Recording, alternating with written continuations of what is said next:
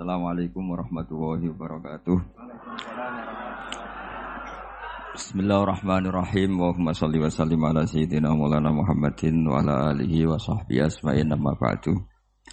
Ingkang sangat kula hormati Ibu Nyai Hajah Zakiyah Miskiyah Imam Yahya sedanten para putra-putra Gus Imam wonten Gus Reza Gus Iim Gus Nabil Gus Izil Habib Muhammad Al-Habsyi Gus Kawula Kiai Haji Abdul Rauf Maimun Zubair ingkang kula hormati para santri yang sangat kami cintai. Ini semoga saya jadi wali penuh. Karena malam ini malam yang saya benar-benar tawaduk.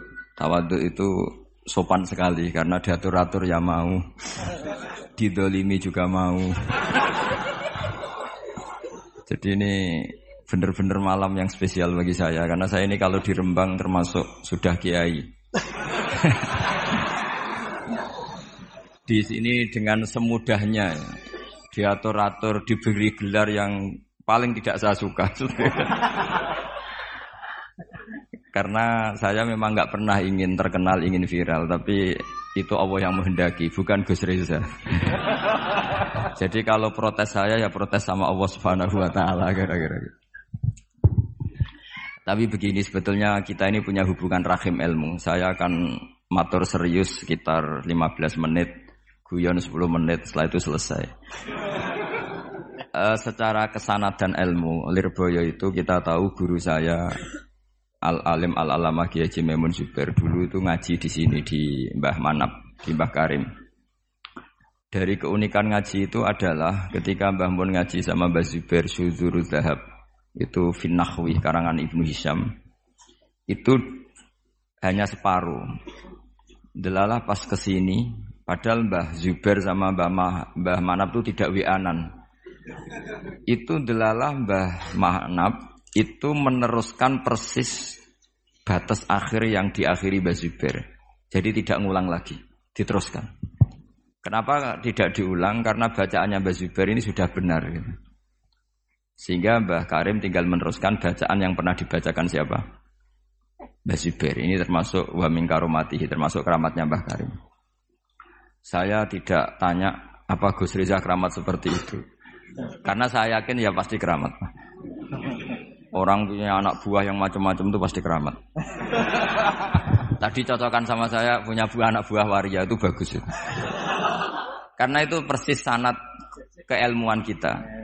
Bapak saya itu pernah cerita ke saya, hormat sama orang macam-macam. Kalau ditanya orang Pak Yai, wong ngono kok mbok kancani, sing gelem dadi ngono ku ya sapa?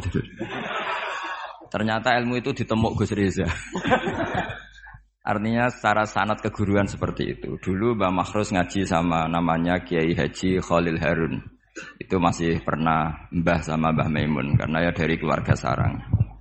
Kemudian Gus Imam ya pernah ngaji sama Mbah Mun di Sarang.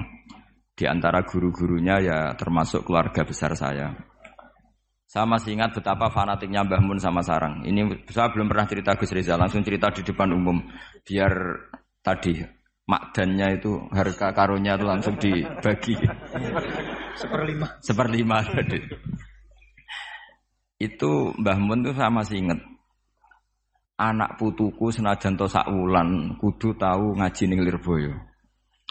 Saya kelas 1 aliyah sama masih ingat disuruh nemanin Gus Kamil putra Mbah Mun yang pertama dari ibunya Mas Tiah. Itu disuruh pasaran ke sini. Dan saking takdimnya Mbah Mun saya masih ingat.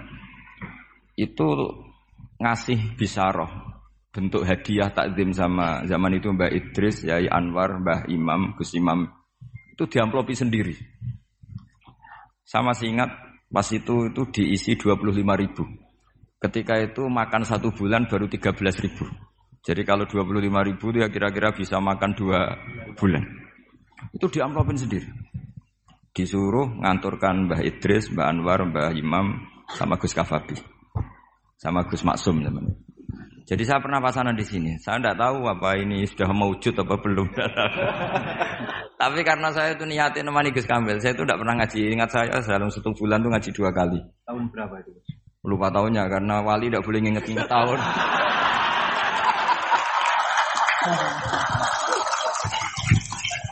Nah, pokoknya kelas satu alia. Nah pas itu Gus Imam tuh baca kalau nggak salah jurumiyah kalau habis subuh. Nah kita ini santri sarang yang seringnya habis subuh itu tidur. Jadi dalam satu bulan hanya ngaji dua kali.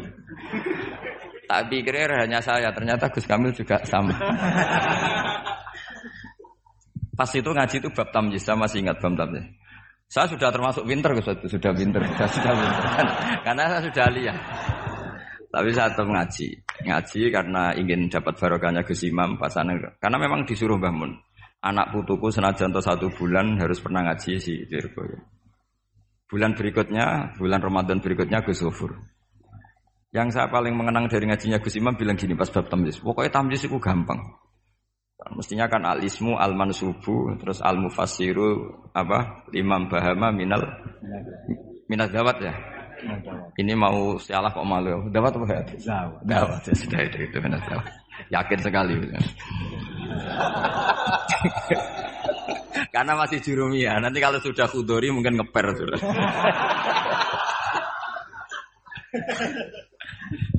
Kemarin cocokan nasab sama saya, jatuhnya juga saya kalah lagi, disuruh manggil Lek. Iya guys. Iya. Saya ini paman sampean Gus. Ini bener-bener nasib ya, ini nasib nasib. Makanya beliau ini mau diatur karena selain nasabnya juga ponakan saya beliau ini. Tapi selain itu juga abdoef kalau mayit. Tamu itu koyok mayit Gus. Walaupun toh ada orang yang bilang tamu itu adalah raja. Iya, rojo sing dadi mayit itu.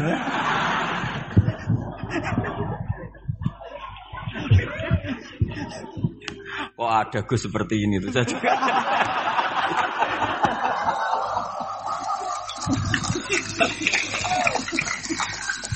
Kok kok ada loh. Saya masih ingat Gus Imam tuh lucu sekali.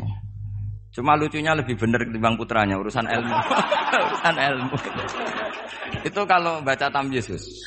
Tamyiz itu gampang. Beliau nggak pakai takrif atau definisi yang ada di jurumnya. Aku agar muni apa nih? Ya berarti tamyiz. Setelah itu saya pulang ke kamar. Kamar saya di baratnya dalamnya Gus Kafabi. Karena ada kamar madep timur. Se Iya. eh, utaranya musola persis. Dulu ada kamar menghadap timur. Saya di situ. Tiap malam tuh nyewa sepeda ontel kalau nggak salah harganya 25 100 ribu, apa? 25 rupiah atau berapa? 25. 25 terus ke Doho. Nyetel radio. Jadi kalau malam tuh nyetel radio di Doho. Ya sudah kegiatannya gitu. Tapi saya ya Islami sering ngaji di Bakarim. Mungkin sering saya di Bangku Sri pas itu loh ngaji di Bakarim.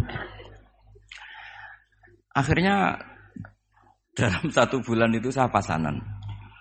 Pas tanggal 21 pulang karena Gus Kamil itu putrane Mbah Mun, semua kiai sini nyangoni Gus Kamil. Yang lucu dari itu begini, Gus Kamil tanya, mau gak muni gua abah ya boten, ya dinekno ae. Hanya tadi beliau-beliau gak bilang untuk abah tuh boten ya berarti sungguh jajan aja gitu. Karena yang dari Mbah Mun ke kita itu jelas ini untuk ini untuk ini itu. Sehingga kita tidak berani pakai. Saman komanan Gus. tadi humus tadi apa seperlima tadi seperlima tadi. Gak tulus ya. Nggak ini cerita ilmu, enggak berapa tadi? Tulus. ya? Tulus. Biar jenengan tahu bahwa sanat saya dengan Gus Reza ini zuriatam ba'duha min ba'd. Apalagi sekarang Gus Iim ini tadi cerita-cerita ke saya dapat per generasi keempat dari Kiai Mahfud. Jadi istrinya Gus Iim binti Harir bin Muhammad bin Mahfud.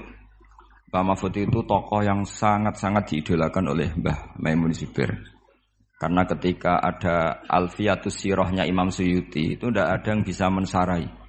Sampai datang seorang termas. Kalau beliau mungkin tidak bilang orang termas. Mbahnya istri saya gitu. Karena kalau termas beliau nggak keren. Jadi Itu mbahnya istri saya. Jadi kalau nggak ngandalkan diri sendiri, yang ngandalkan istrinya. Nah, itu nggak masalah. Seperti itu juga masalah. Allah itu baik. keramat gandul karo bojone. Iya Pak Dulu. Keramat gandul karo bojone. Muga-muga keramatnya tetep ojo sampai cuman gandul itu.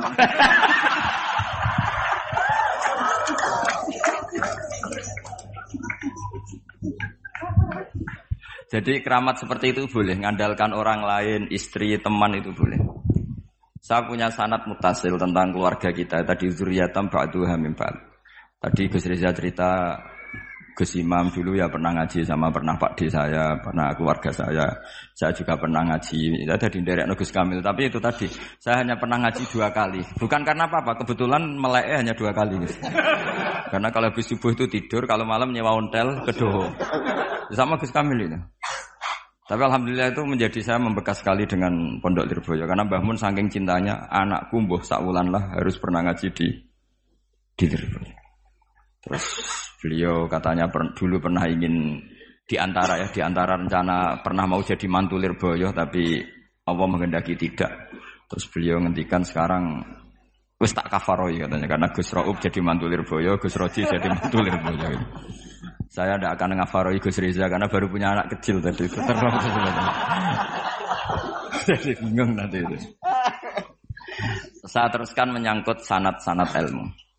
Kiai Mahfud Termas itu yang nulis Hasyatut Turmusi. Kalau sini bacanya Tarmasi atau Turmusi umumnya? Tarmasi betul. Turmusi. Ya Turmusi. Ada yang baca apa? Tarmasi. Karena nasibnya nama Ajam itu kasihan. Ada orang itu namanya Tirmizi, yang satu Turmuzi, yang satu Tarmizi. Ada Tarmizi. Ustukhri juga sama. Ustukhri, Istokhri. Apa? Ya itu ya. Kan bebas itu Gus bacanya. Ajam kan bebas. Iya, makanya kaidahnya ajamiyun fasna bihi masyita. ya, sibro milisi. Kalau sini bacanya apa? Subromanisi. Sibro malisi. Kalau ada kiai yang baca sibro milisi. Ada yang baca sibro Mulusi. ini hasilnya yang mancing ini Gus Bahak, bukan saya ini. Beliau ini Masya Allah luar biasa dalam pancingan-pancingan sehingga saya terpancing oleh beliau. Jadi nasibnya kumpul dengan orang yang alim ini ya jadinya ya seperti ini. Ya, saya teruskan ini yang yang serius ya. saya ini karena saya ini sudah tidak dapat cucu zurianya Ki Makhrus, tapi saya dapat warisannya. Karena sebagian cerita-cerita keramatnya keluarga Lirboyo yang termasuk santri sering diceritani keramatnya Mbah Manap itu saya. Termasuk ya tentu banyak yang diceritain. Keramatnya Mbah Makhrus. Masyur itu Mbah Makhrus kacang hijau sudah dipasukan. Sebenarnya saya mau minta ijazah sama Gus Rizal, tapi potongannya kok tidak iso. Jadi, jadi saya, tapi nanti setelah ada Saya alamat, siap Gus, bukan ijazah, lebih dari ijazah, ijab sah. nanti kalau sudah ada indikasi bisa, saya pasti minta ijazah. Dan semenjak itu saya sudah tidak berani gojlok, karena berarti guru saya. tapi saya nanti nunggu istikharah dulu tadi, apa bisa apa enggak gitu. Nah kebetulan saya ini adalah turunan kedelapan dari orang yang bernama Soleh bin Asnawi Sepuh. Itu gurunya Mbah Soleh Darat. Mbah Mahfud dulu pernah ngaji Mbah Soleh Darat tafsir Jalalain dua kali. Dulu Mbah Soleh Darat ngaji sama yang Mbah Soleh bin Asnawi Sepuh. Itu ngajinya juga tafsir Jalalain. Dan beliau cara ngaji itu detail sekali. Ini sekaligus apa ya? Saya bilang tamparan kok tidak sopan. Ini peringatan keras bagi yang pernah cucu ini, pernah cicit tadi. Beliau kalau ngaji ditulis khadar tu indahu tafsirul jalalain marrotan. Jadi sebagian ditulis kalau di Al Mustafid lima alam minal asanid khotam tu indahu tafsirul jalalain marrotan. Ditulis bitamami sempurna. Saya ngaji beliau dua kali khatam Sempurna. sempurna. Jadi Oh, jadi lebih dari dua kali loh. Iya, terus terus juga jeblong-jeblong gitu. Kalau ini enggak moto sama terus untuk ijazah. Dan beliau ketika ngaji Sayyid Abi Bakar Sato. Beliau istinat fil fikih itu namanya sama Sayyid Abi Bakar Sato. Itu beliau ngendikan saya ngaji Bukhari bab ini sampai ini, yang enggak menangi ini, kemudian ini tak tambal sendiri. Ini mbah-mbahnya istrinya siapa ini? Gus Iim. Ini temannya adik saya satu kelas, tak tanya tadi, lebih beli mana gak tahu Gus katanya. Beling saya Gus. Ya, karena sekarang tawaduk ini lebih beling itu supaya dianggap wali karena tawaduk itu. Jadi gak jelas sekarang orang sekarang. Makanya saya sering ngomong seenaknya itu karena gitu. Yang tawaduk pun tidak jaminan lebih sopan. Jadi tawaduk untuk diakui baik. Jadi repot. Ngeles itu gitu ya. Ngeles ya. Khela, khela ya. Mbak Mahfud itu ngaji lama sekali sama saya Abi Bakar satu. Sampai beliau kecakamannya. Saya ini tahadus binikmah. Kalau baca khasyatul turmusi itu nggak tahu bedanya dengan i'anatul tolibin. Saking persisnya ibaratnya Mbah Mahfud itu persis seperti malakah yang dipunyai Sayyid Abi Bakar satu, yaitu Sahibul Yana. Nah Sayyid Abi Bakar Sato itu punya kakak kandung sekaligus gurunya karena barep sama rujuk. Namanya Sayyid Umar Sato. Sayyid Umar Sato itu gurunya Mbah Ahmad bin Su'eb, mbahnya Mbah Mun. Jadi dulu Mbah Ahmad itu ngaji sama Sayyid Umar Sato. Sayyid Umar Sato itu di antara khas pengajarannya adalah hanya mau ngajar kitab yang bisa dihafalkan.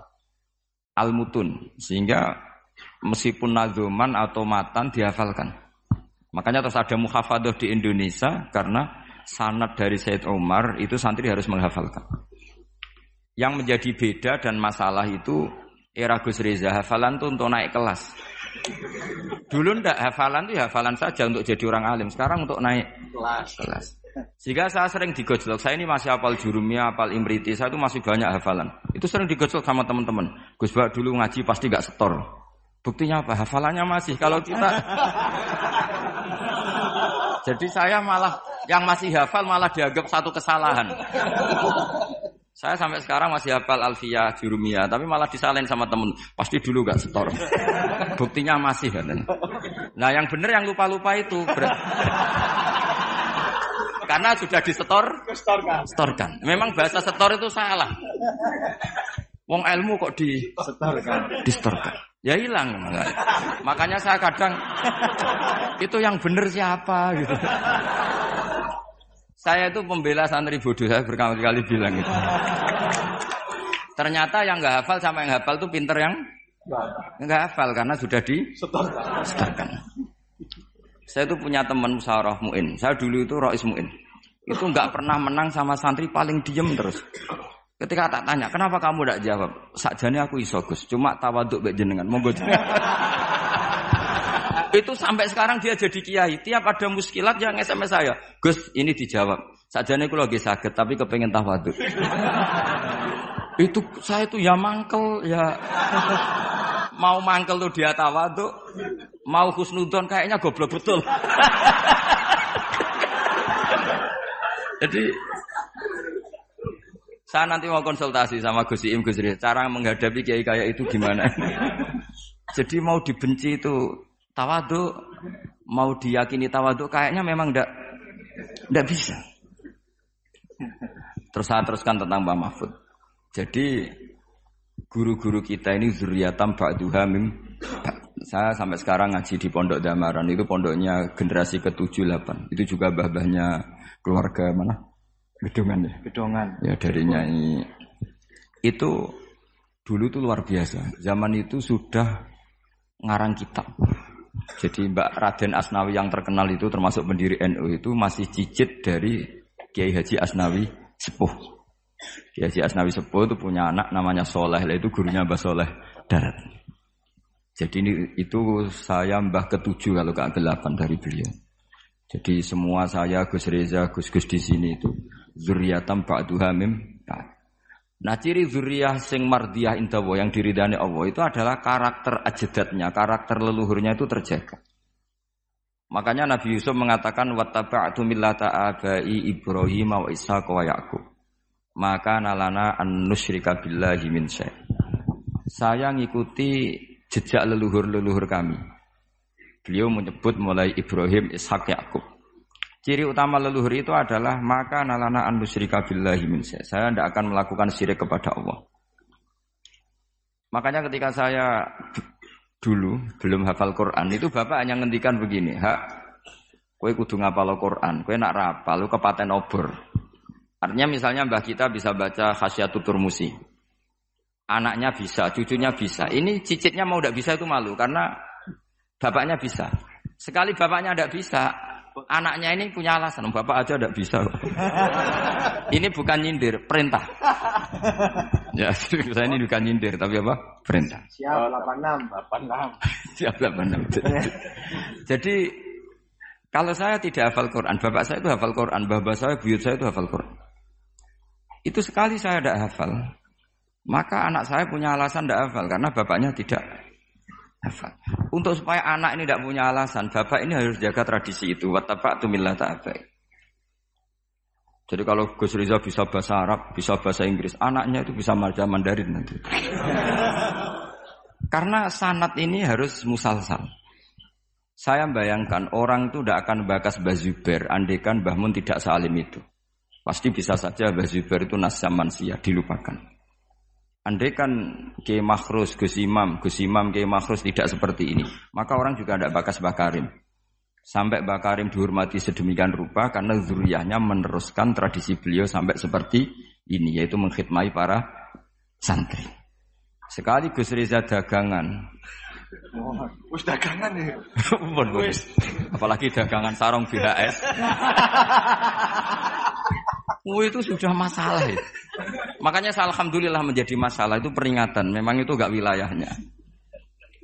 Jadi zuriyatam ba'duha mim Sekali karakter ini hilang, maka akan hilang seterusnya. Saya punya pengalaman agak rohani. Nanti bisa ditasih Gus Nanti setelah saya beliau tak beri hak ngendikan karena paman tadi. Beliau. Kalau kita punya mbah alim alama, bapaknya alim alama, kemudian kita ini dagangan, terus ita itu ngalor ngidul, orang akan ngira bapak kita seperti itu. Karena teori orang Jawa kacang ora ada songgolan jarang. Jadi yang menstatuskan para leluhur kita adalah kita. Sekali kita ini meleset, Tadi kata Gus Reza yang asyaki tadi ya. Asyaki adalah orang yang keluar dari rel mbah-mbahnya. Maka status kembahnya akan hilang. Makanya banyak orang alim alama, kemudian di era cucu sudah tidak diziarahi karena cucunya mengharamkan ziarah. Dan itu banyak, banyak sekali. Jangan-jangan mbah-mbahnya bisa baca ikhya, cucu-cucunya tidak bisa, terus bilang, oh, penting tuh ilmu modern. Ilmu itu tidak penting. Akhirnya ya sudah orang lupa lagi. Karena banyak sudah tidak dikholi, tidak dikenang. Itu yang paling bahaya dalam status zuriyah. Sehingga Nabi Nabi Ibrahim itu diselamatkan oleh Allah yaitu dengan mengutus Nabi Muhammad Shallallahu Alaihi Wasallam yang beliau adalah min khalisi sulalati Ibrahim al Khalil. Sehingga Nabi Muhammad yang meluruskan itu.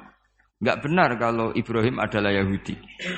Karena Yahudi itu adalah marga atau aliran atau milah terserah karena itu ada perdebatan. Setelah Ibrahim jauh yaitu Yahuda bin Yakub bin Ishak bin Ibrahim. Ketika Rasulullah debat terbuka dengan pakar-pakar Yahudi, orang-orang Yahudi bilang Ibrahim itu Yahudi ya. Terus Allah memberi firman kepada Rasulullah Shallallahu Alaihi Wasallam, Ha antum ha ulai hajastum fi malakum bi ilm falimatu hajuna fi ma laysa lakum Ini perdebatan sudah tidak fair, tidak objektif. Saya kata Nabi Muhammad berdebat secara ilmiah bahwa Ibrahim tidak mungkin Yahudi, pengikut Yahuda maksudnya. Tapi kamu berdebat secara sangat tidak ilmiah karena kamu mengatakan Ibrahim pengikut Yahudi. Yahudi dari Yahuda gitu. Kenapa tidak ilmiah? Itu sama dengan mengatakan Mbah Manap itu pengagum Gus Reza. Waduh. Itu kan salah besar. Salah besar. Kan Ibrahim itu kan Yahuda bin Yakub bin Ibrahim. Itu sama dengan misalnya mengatakan Pak Karno itu pengagum Puan Maharani. Itu kan kacau. Mbah Hashim pengagum Mbak Yeni. Itu kan kacau. Artinya apa? Ketika Yahuda menamakan diri atau mencatut Ibrahim dikatakan Yahudiyah, pengikut Yahudiyah, itu enggak ilmiah sekali. Karena Ibrahim generasinya jauh sebelum Yahuda. Makanya lamim ba'dih. Padahal Taurat dan Injil diturunkan setelah Ibrahim Ibrahim. Bagaimana mungkin di kepalanya di masjid, kakinya menyentuh sinagog. Yang Nabi Yusuf malah hampir semuanya di sinagog. Yang parah Yakub semuanya di sinagog. Karena Yakobus tadi. Artinya gini, saya dulu, saya dulu sebagai pengkaji tafsir, itu ya iskal, iskal itu janggal. Maka anak Ibrahimu Yahudi wala Nasronia. Ibrahim itu tidak Yahudi ya tidak Nasrani. Itu kan satu pujian yang sangat aneh. Itu kan sama dengan mengatakan bahwa itu ya ora PKI, ya ora komunis itu kan aneh. Masa Ibrahim Khalilur Rahman hanya distatuskan ya tidak Yahudi, tidak Nasrani. Tapi setelah saya ke makom beliau, ternyata ada artefak fisik atau suasana fisik yang beliau bisa saja dianggap Yahudi karena makamnya di sinagog. Sama, andai kan Mbah Karim tidak punya cucu-cucu kayak Gus Imam, kayak Gus Reza. Terus makomnya Nyun Sewu gak kerumat. Makomnya Bazuber misalnya gak kerumat. Orang akan mengatakan tuh makom awam. Sehingga tidak ingin menelah dan jadi jadi putu ya berat. Mulane jenengan dongakno. Nggih, kula suwun sekali-kali kalau ngomong serius niki dongakno. Nah kula boten perlu dongakno, gak ono ponakan dongakno paman. Tapi saya berkeinginan paman saya ala siroti mustaqim. Jadi semua yang saya ceritakan tadi menyangkut kodi misalnya. Sanat jadi kodi itu ya semuanya seperti yang diceritakan Reza. Hakimnya itu bingung. Karena memutuskan ini tanah milik siapa, harta karun. Dulu kamu kira Nabi Sulaiman itu serius ya enggak? Beliau itu rileks. Tapi kalau punya keputusan itu jitu, ada dua perempuan. Ya sebut saja dalam tafsir-tafsir misalnya Sohiro sama Gabiro. Sama punya anak kecil ya, karena masih keluarga anaknya itu mirip. Kemudian anak yang satu itu dimakan serigala. Hilang. Dimakan serigala. Terus lapor ke Nabi Dawud. Karena yang meyakinkan itu yang satu diputuskan ini milik kamu. Misalnya milik yang adiknya. Ketika keluar dari situ ketemu Nabi Sulaiman. Kalau saya hakimnya maka keputusannya tidak seperti itu. Nabi Dawud, Nabi Sulaiman pas itu umurnya 13 tahun. Akhirnya dipanggil sama Nabi Dawud. Ya sudah putuskan kamu. Nabi Sulaiman ngambil pedang atau pisau. Ya sudah tak bagi dua. Nanti separuhan kata. Jadi Nabi Sulaiman itu ya ya suka humor. Masa anak mau dibagi dua nanti separuhan. Terus yang histeris nangis itu yang besar, yang mbaknya. Yang kecil tenang-tenang saja. Akhirnya sama Nabi Sulaiman diputuskan dikasihkan yang nangis histeris.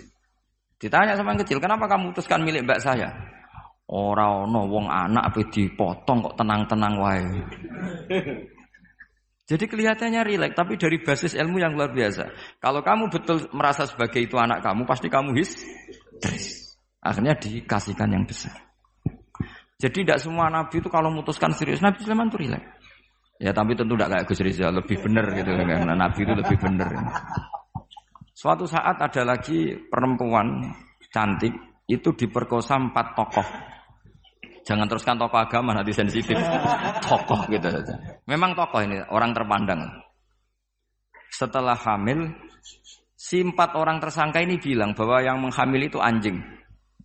Karena zaman itu zaman yang mungkin diktatorial ya. Ya sudah diam gitu saja. Singkat cerita dilaporkan ke Nabi Dawud bahwa ada peristiwa gini-gini terduga adalah anjing. Nabi Dawud ya tenang saja, nggak nggak ngerespon. Karena biasalah wali kan tukang husnudon. Nabi Dawud itu gayanya Nabi, gaya ala wali. Jadi gampang husnudon. Kalau Nabi Sulaiman enggak. Jadi sistem sistem reskrim itu harus matur nuwun sama Nabi Sulaiman. Orang empat ini dipanggil. Manggilnya satu-satu. Kamu tahu kalau itu yang merkosa anjing? Ya, tahu saya. Anjingnya warnanya apa? Hitam. Sudah kamu keluar. Keluar tidak dipertemukan sama yang tiga. Yang satu dipanggil lagi. Yang merkosa apa? Anjing. Warnanya apa? Merah. Dipisah lagi. Sampai akhirnya empat orang itu jawabnya warnanya beda-beda. Mungkin ada kebiasaan, mungkin ada yang bilang pink, tapi nggak ada anjing pink. akhirnya setelah semua dipertemukan bareng-bareng. Kamu tadi bilang apa? hitam. Kamu tadi bilang apa? Merah. Kamu tadi bilang apa? Berarti padahal kamu semua bersaksi bersama bahwa orang itu peratita tadi di perkosaan Tapi ternyata warnanya anjing beda, beda. Terus akhirnya Nabi Sulaiman bilang, anjingnya ya kamu itu. akhirnya mereka ngaku. Ngaku sebagai apa? Pemerkosa. Makanya dalam masalah Nabi Dawud dan Nabi Sulaiman itu Allah luar biasa mensifatinya. Nabi Dawud punya keramat, punya mukjizat. Kalau beliau baca tasbih, itu gunung dan burung-burung ikut baca apa? Tasbih. Semuanya ikut baca tasbih. Yusabbih nabil asyi wal isyraq. Wa tayra mahsyurah kulullahu awwab. Tapi orang tuh kalau suka wiridan, biasanya intelijensinya itu agak gimana gitu. Enggak usah diterangkan nanti sensitif. Akhirnya Allah ngakui, fafahamnaha Sulaiman wa kullan ataina hukmau. Jadi kalau masalah ilmu, ilmu detail itu fafahamnaha Sulaiman. Kecerdasan untuk bikin keputusan itu masih cerdas Nabi Sulaiman. Tapi kalau wiridanya itu bagus Nabi Dawud. Jadi makanya orang ini nggak sempurna ya. Ada yang suka wiridan, ada. Makanya saat tadi itu kaget Gus Im bilang ketua pondoknya di Istiqori Gus Riza itu saya tenane gitu. Maksudnya itu saking adabnya muji masnya apa apa apa gimana saya itu sampai sekarang nggak paham itu. Tapi yang jelas yang diangkat tadi jangan GR kalau itu hasil istikharah. Karena saya tidak bisa yakin itu. Ya tidak bisa memaksa Husnuzon. Nanti kalau di ruang dalam mau tanya istikharah betul apa enggak. Tapi yang jelas tadi. Nah, kita ini alhamdulillah guru-guru kita itu wiridannya yo jalan dan alhamdulillah santri-santri kalau kiainya wiridan ya bubar separuh itu bagus. Saya bukan mengajarkan tapi itu bagus. Kata di jagungan sama Gus Im, Pantangannya ahlul ilmi adalah tidak boleh melakukan ijabu malam yajib, mewajibkan sesuatu yang tidak wajib. Saya itu mondok sarang tuh lama sekali. Itu Mbah Mun yang imami, itu yang bubar ya separuh lebih. Separuh. Mbah Mun ya senyum-senyum saja. Ketika ada kiai tanya, Mbah kok buatan jenengan wajib, buatan wajib no wiridan? Ora oleh ijabu malam yajib, mewajibkan sesuatu yang tidak wajib. Nah, santri-santri tahu kalau itu tidak wajib. Wah, hilang. Oh iya, pimpin pimpinannya. Jadi konstitusinya ahlul ilm itu beda.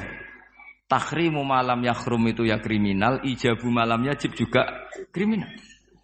Bahkan di Habib Abdullah bin Husain bin Tohir itu dikategorikan dosa besar. Makanya pondok-pondok ilm itu nggak berani majibkan santrinya wiridan karena takut ijabu malam yajib. Akhirnya keterusan, bersolat langsung ngopi, bualeni. Nah, kadang rokok orang dipatah ini, bersolat salam langsung. Eling rokok ya. Jadi kita ini sengawur-ngawur kita karena sebagai ahlul ilm itu masih benar. Ngawur saja benar, apalagi pas benar. karena memang sanat ya, saya ulang lagi. Sanat ahlul ilmi itu beda, khas. Sehingga kadang orang-orang yang di luaran sana. Jangan bilang kubu sebelah, pokoknya di luaran sana nanti jadi sensitif.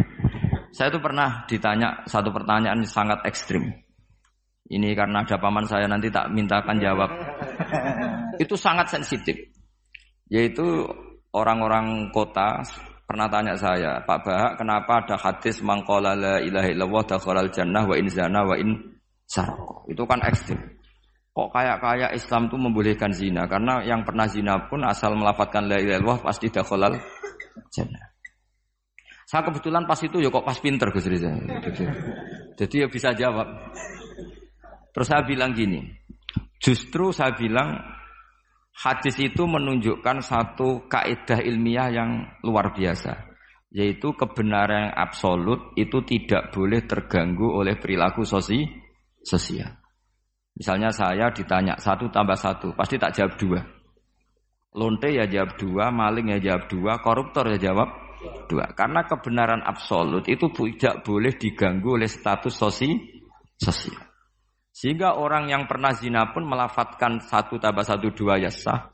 Yang ketua wali juga sah, wali biasa ya sah, setengah wali juga sah. Karena kebenaran absolut adalah kebenaran yang siapa pun pasti mengatakan demikian demikian. Yang ketangkap KPK ya bilang satu tambah satu dua, KPK-nya bilang satu tambah satu. Nah, eksistensi bahwa Allah sebagai Tuhan itu eksistensi yang absolut. Sehingga harus sah meskipun dikatakan orang yang pernah zina. Akhirnya saking keramat Gus, terus nganggep pulau guru nih. Terus ngaji sama saya. Sampai sekarang. Nah saya berharap produk-produk al-makhrusiyah itu sampai seperti itu. Jadi ada saat di mana kita maknani wa in zina ini bukan urusan melegalkan zina atau menganggap biasa zina ndak. Tentu zina itu sangat buruk. Innahu kana fahisyah wa sa'asabila. Buruk sekali. Tapi ada konteks di mana absolutisme kebenaran itu tidak bersyarat apa pun. Sehingga orang yang kafir puluhan tahun, mungkin ratusan tahun, ketika melafatkan la ilaha illallah berarti sudah sah menjadi muslim. Karena kalimat ini adalah kalimat yang orang kafir dengan kalimat itu menjadi muslim. Sebab itu kita pasti menolak faham takfiri. Faham yang mudah mengkafirkan orang lain karena logikanya gampang. Wong kalimat ini yang kafir saja menjadi muslim, lagi sing tukang wiridan la ilaha illallah malah dianggap kafir. Iku tahu mikir, tahu orang kan kira-kira seperti itu. Jadi ya sekali-kali so serius ben pamane bangga pun aneh alim.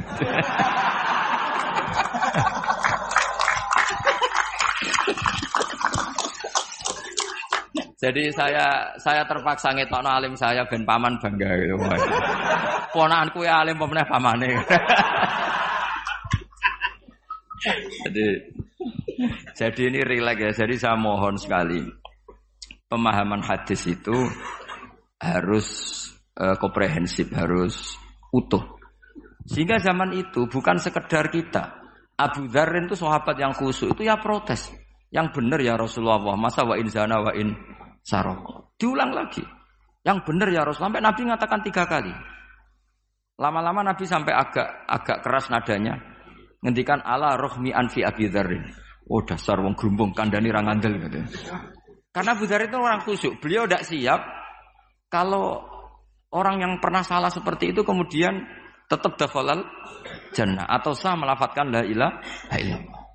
Tapi dengan penjelasan tadi, penjelasan ilmiah yang saya utarakan tadi, itu memang ini bukan masalah pelegalan zina atau nganggap zina biasa ndak, tapi masalah absolutisme kebenaran itu akan diakui oleh siapa pun dan pihak mana pun dan akan sah dari siapa pun.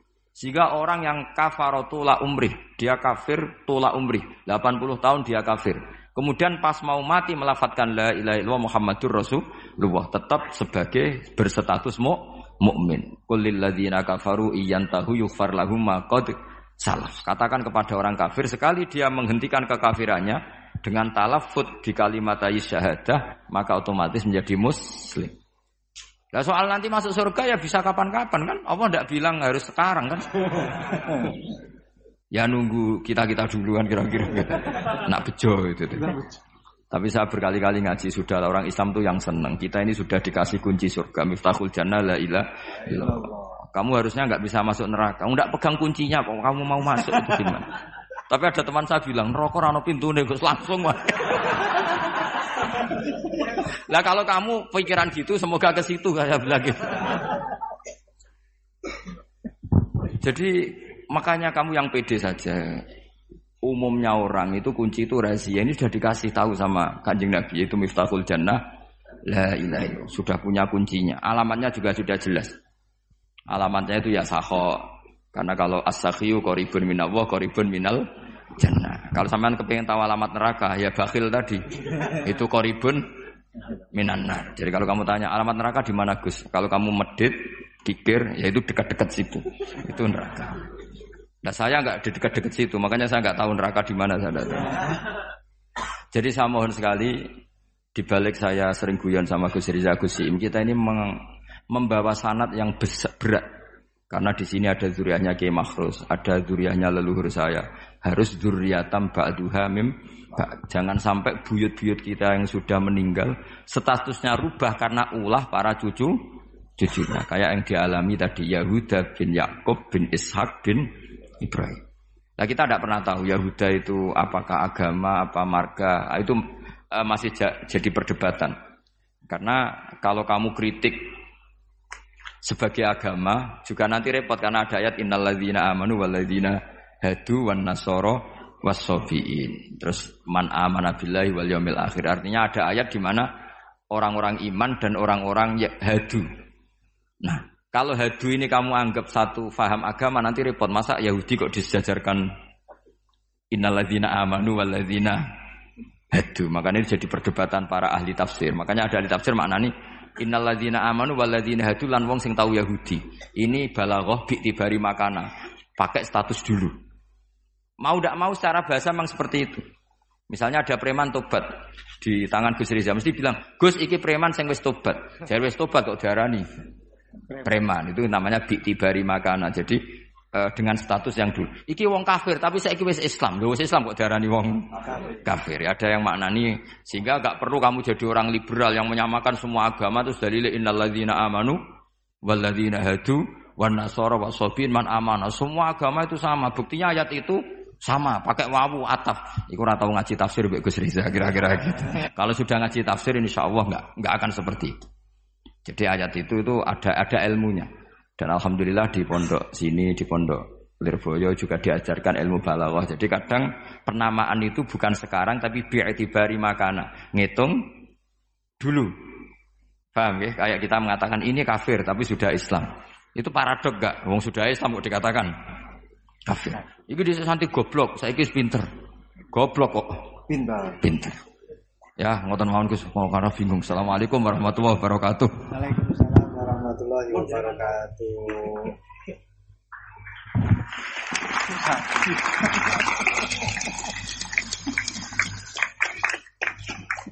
Matur suwun dateng ponaan kawula ingkang kawula mulyakaken.